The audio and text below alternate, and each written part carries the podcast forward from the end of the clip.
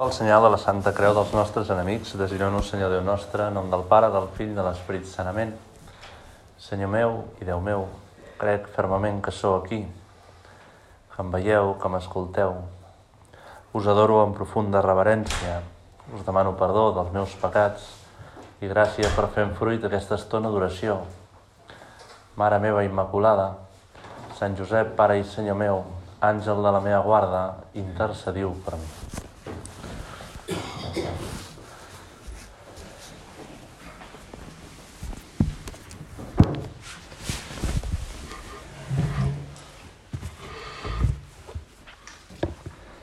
Comença l'Advent, que és un temps d'espera activa. Esperem la triple vinguda de Jesús. Recordem la seva vinguda encarnat a Betlem. Posarem el pessebre. Celebrarem el Nadal. Lluitem per la vinguda constant en cada un de nosaltres i esperem la vinguda definitiva al final del temps. Aquestes són les tres vingudes que esperem a l'Advent. I en aquesta estona d'oració d'aquest primer diumenge d'Advent ens podem preguntar com ha de ser Jesús la nostra espera activa. Així defineixen els experts la espera de l'Advent. Espera activa. Si posem blanc sobre negre, l'espera passiva seria com esperar el tren a l'estació, esperar alguna cosa que canvi per fora, la decoració de Nadal, els llums, esperar que arribi el dia,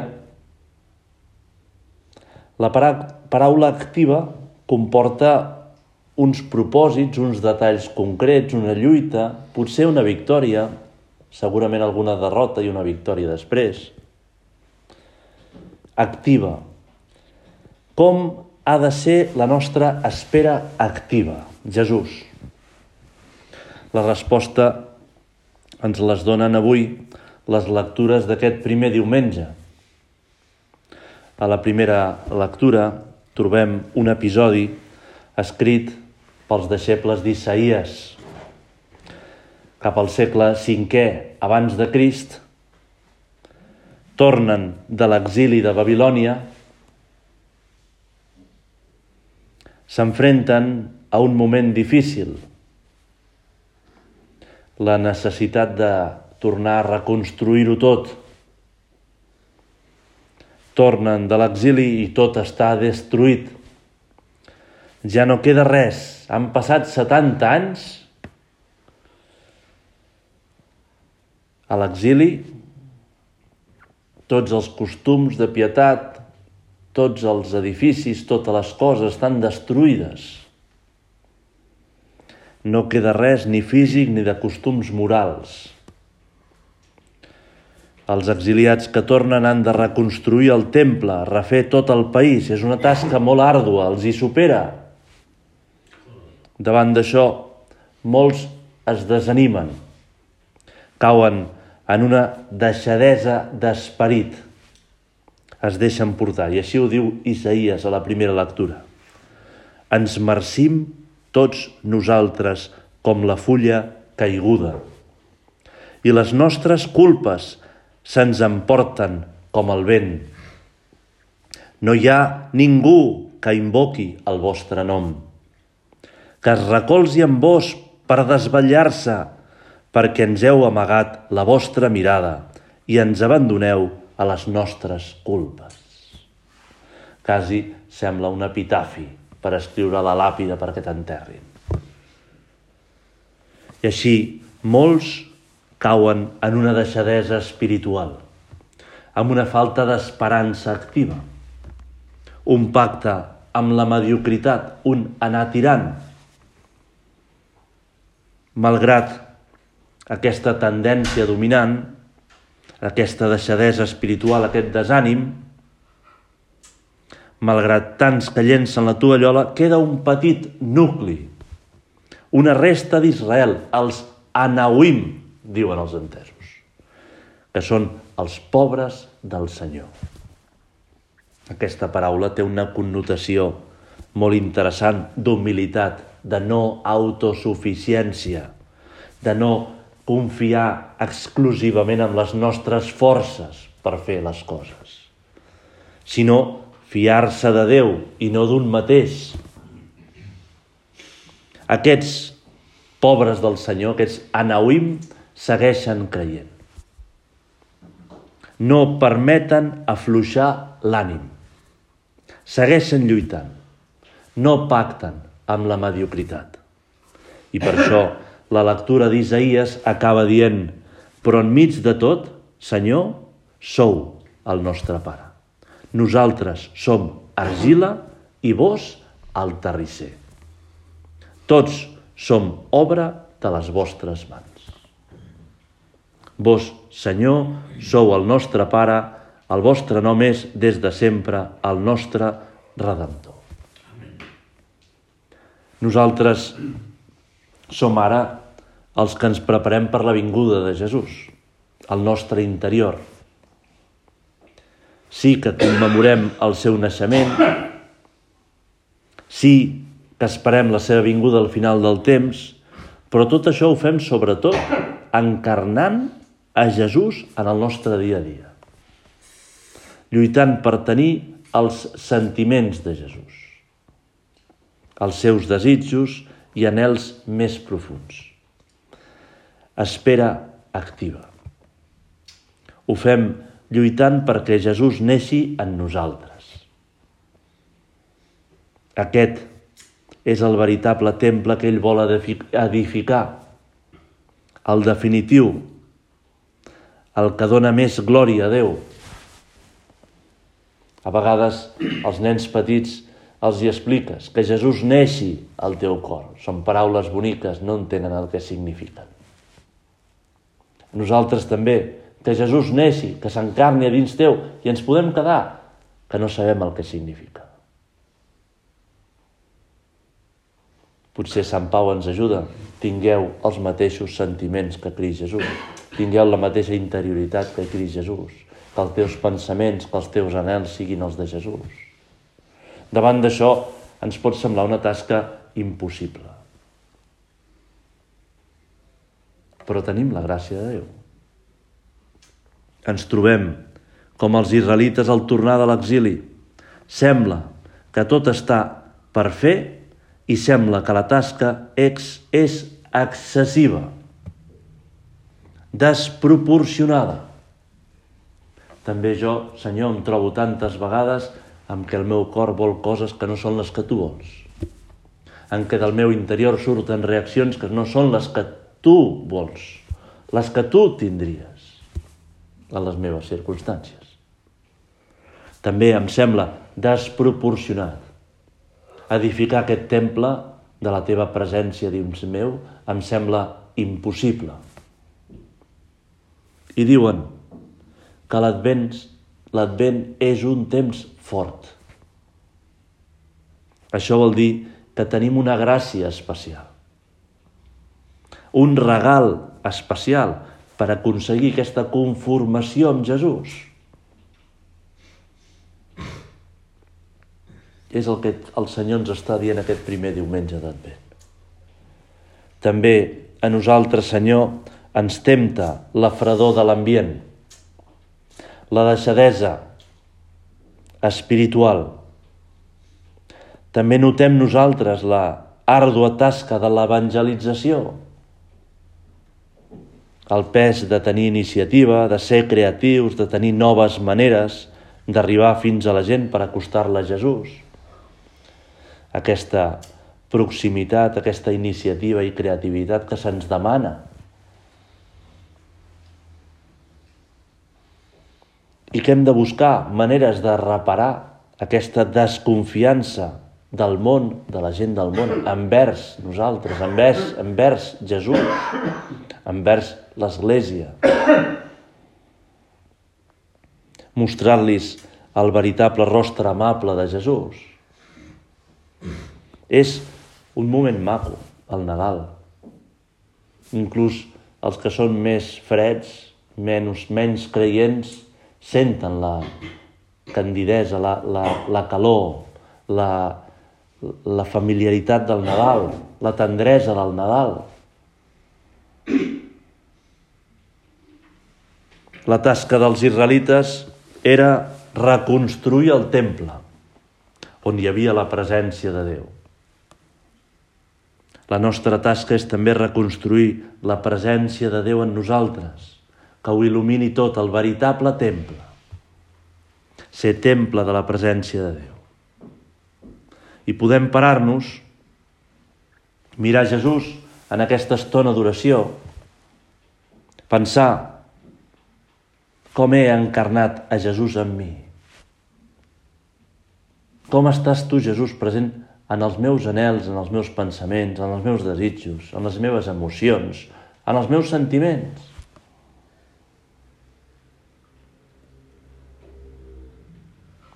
Tant de bo els altres al veure't o al sentir-te parlar diguessin aquell llegeix la vida de Jesús. Tornem al nostre pare. Com estàs tu, Jesús, a dins meu? I veient que moltes vegades hi manques, que encara no m'he transfigurat, li podem demanar que sàpiga aprofitar, Jesús, aquest temps fort per aquest objectiu tan maco, tan bonic, tan meravellós, que visquis més a dins del meu cor, que m'agafis més des de dins, que ho abarquis tot, que fins a l'última respiració meva més profunda siguis tu, sigui teva. Els desitjos i els anels que trobem en el nostre cor, Senyor, són els teus? I li podem demanar ajuda per mi, per tots els altres. Jesús, que en aquest temps fora de l'Advent dona'm la gràcia per purificar el meu interior, que no defalleixi, que no em cansi, per esdevenir més i més tu que passes.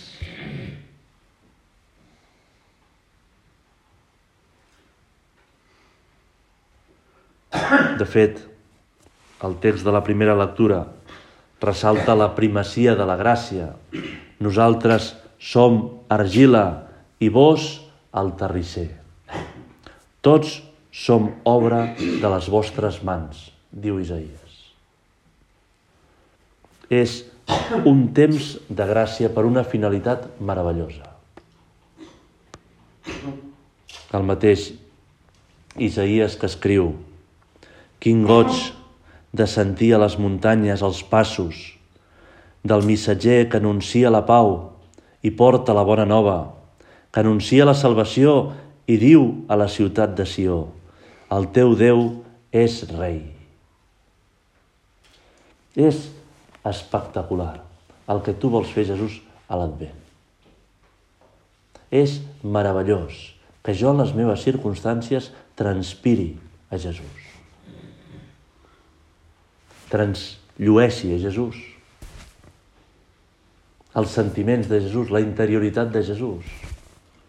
És sorprenent, meravellós, admirable la gràcia que em vols donar per això. És meravellós purificar el nostre cor perquè Jesús neixi dins nostre. Com Josep va netejar el pessebre de Betlem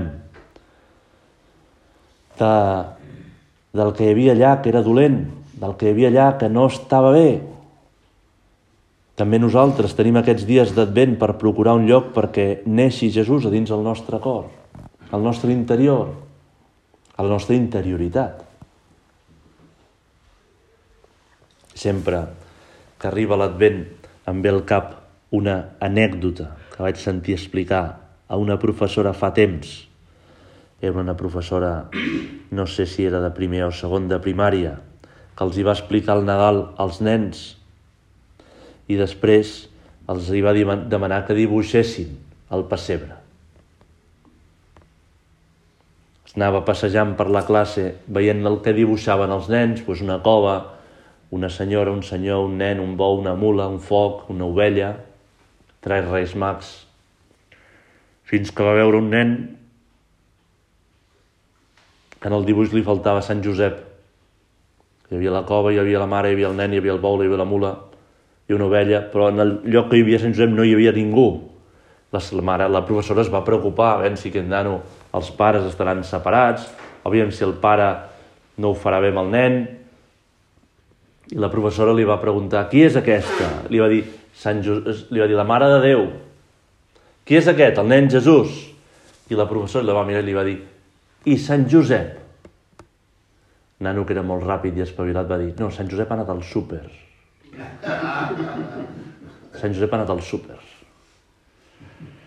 Nano, que seria perillós en el futur, no? I ja ho era. A vegades l'advent ens pot agafar al súper.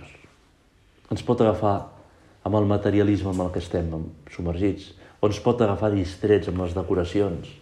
Ens pot agafar que no ens n'adonem de tota la gràcia que tu, Senyor, vols vessar per fer-nos tu que passes, per transformar-nos en tu. Sant Josep neteja el pessebre.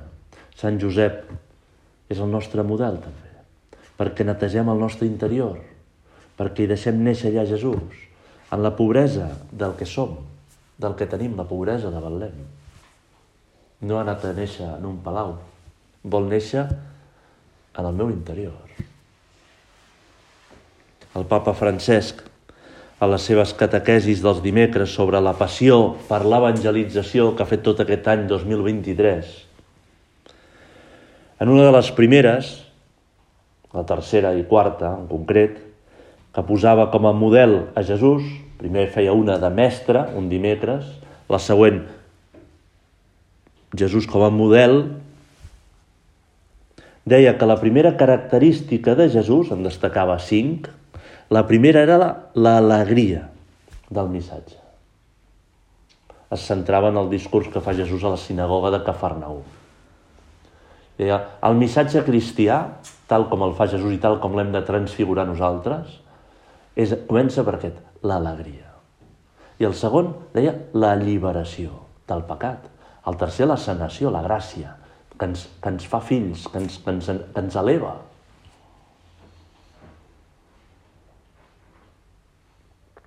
I potser ens pot servir, veient que Jesús ha de néixer en el nostre cor, com vivim nosaltres aquesta alegria, aquesta alliberació, aquesta sanació.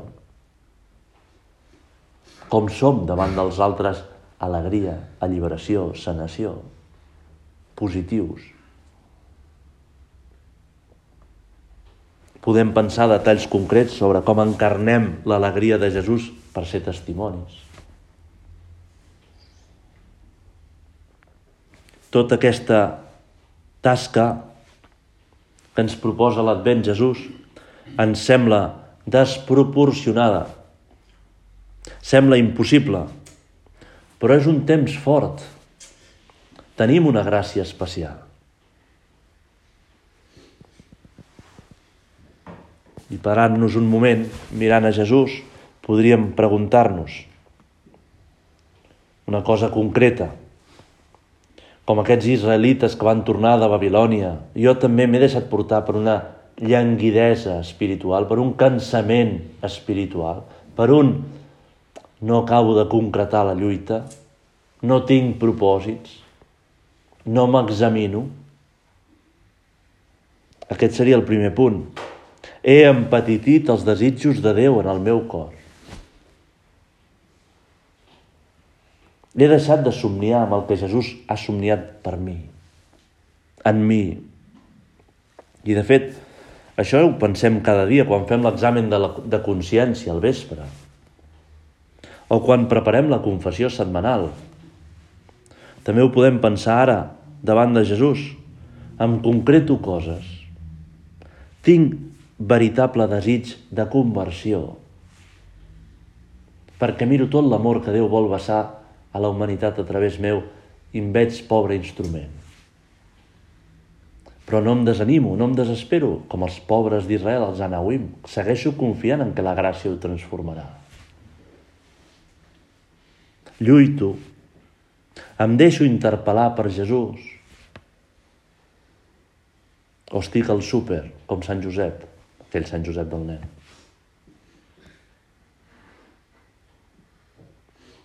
A la ment dels jueus que tornen de l'exili, el record de la meravella del temple de Salomó era espectacular, era grandiós, quina felicitat, quan teníem el temple entre nosaltres, una de les meravelles del món. I per això, quan es troben tot destruït, reconstruir-ho sembla impossible. També per nosaltres ens pot temptar el desànim davant la tasca de ser temple de l'Esperit Sant de fer present a Jesús entre els homes, de tenir els sentiments de Jesús, de ser alter Christus, ipse Christus. Però tenim tota la gràcia de Déu. El terrisser, que diu Isaías, davant de Déu, que som argila. I tenim, a més, l'admiració de la meravella que Déu vol fer amb nosaltres. Són dues coses molt interessants.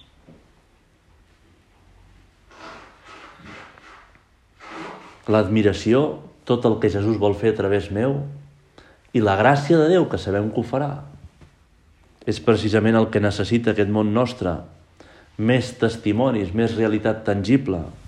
Testimonis que són capaços d'admirar-se del que Déu vol, que són conscients de que és ell el que ens donarà la gràcia. I aquest testimoni haig de ser jo, Jesús. Ara m'ho demanes a mi, i jo et puc dir, Senyor, que senti la teva mirada aquest advent, que senti la teva interpel·lació, que senti la teva... el teu anel, el que tu desitges que jo em converteixi en tu, que arribi a ser, com diem a la missa, en Crist una víctima viva lluança de la vostra glòria. In Crist hòstia viva perficiantur. Que sigui un altre Crist que la gràcia de l'Esprit Sant em transformi en un altre Crist. De fet, la segona lectura, Sant Pau canvia de direcció, passa a fer una gran acció de gràcies pel que Déu fa en nosaltres. Podem paladejar una mica aquesta admiració. Germans, diu Sant Pau, sempre beneeixo Déu per vosaltres pensant en la gràcia que us ha donat en Jesucrist. De tot us ha enriquit en ell. És meravellós que Jesús vingués al món fa dos mil anys. Ha canviat la història de la humanitat. Es van trencar totes les lleis físiques de la naturalesa el planeta Terra i tota la creació va aguantar la respiració. És també meravellós que Jesús s'encarni en mi, que jo esdevingui un altre Crist, testimoni dels sentiments, anels, desitjos més profuns del seu cor. Contemplant la meravella que fa exclamar Sant Pau ens ajuda a lluitar, a concretar. Que cada cop, Jesús, que senti en el meu interior un pensament, una memòria, un desig que no sigui el teu, rectificaré, tallaré i oferiré, resaré i oblidaré. Intentaré pensar com ho sentiries tu, Senyor. Què faries tu en aquesta situació? Alegria i alliberació i sanació. Així, amb la meva lluita i la seva gràcia, Déu transformarà el meu interior, Déu s'encarnarà en mi. Dia a dia. No és petit l'objectiu. Després de la segona lectura, l'Evangeli dona un salt endavant. Ens parla de la vinguda definitiva de Jesús, la fi del temps, el nostre moment de trobada definitiva amb Jesús. I clama amb molta força, batlleu, batlleu. Estigueu atents, batlleu, no sabeu quan vindrà el temps decisiu. L'home que se'n va a terres llunyanes sortint de casa deixa els seus criats responsables de les tasques que confia cadascun i el porter li recomana que vetlli. Igual, heu de vetllar vosaltres, perquè no sabeu quan tornarà l'amo de casa.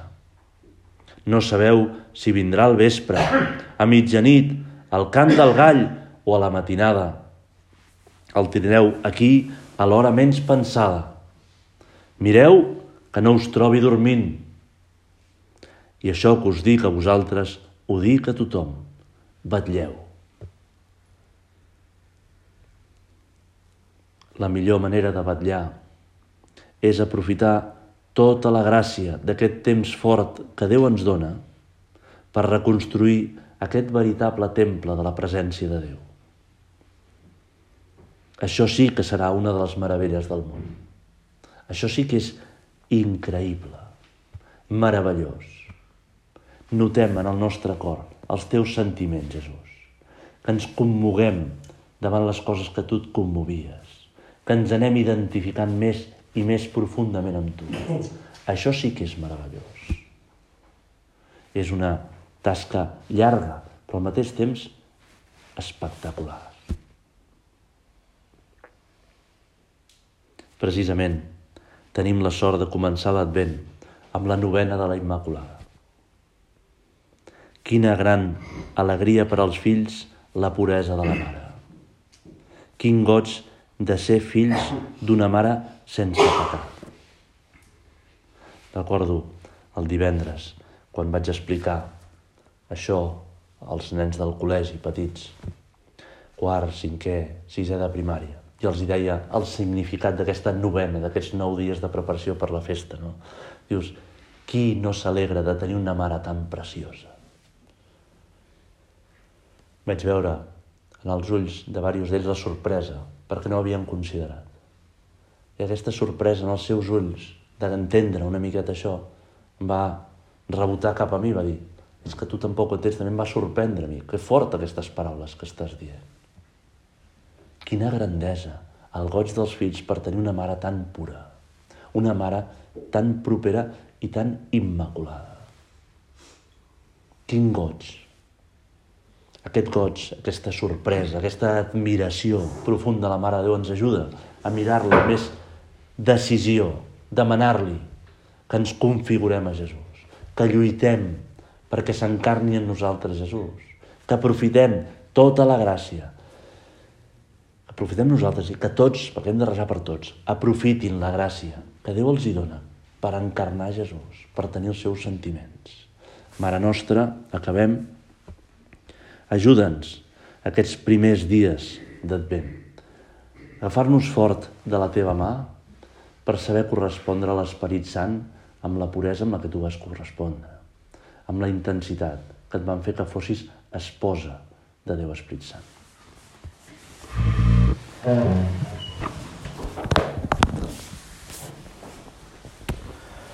Us dono gràcies, Déu meu, pels bons propòsits, efectes i inspiracions que m'heu comunicat en aquesta meditació. Us demano ajuda per posar-los per obra. Mare meva Immaculada, Sant Josep, Pare i Senyor meu, àngel de la meva guarda, intercediu per mi.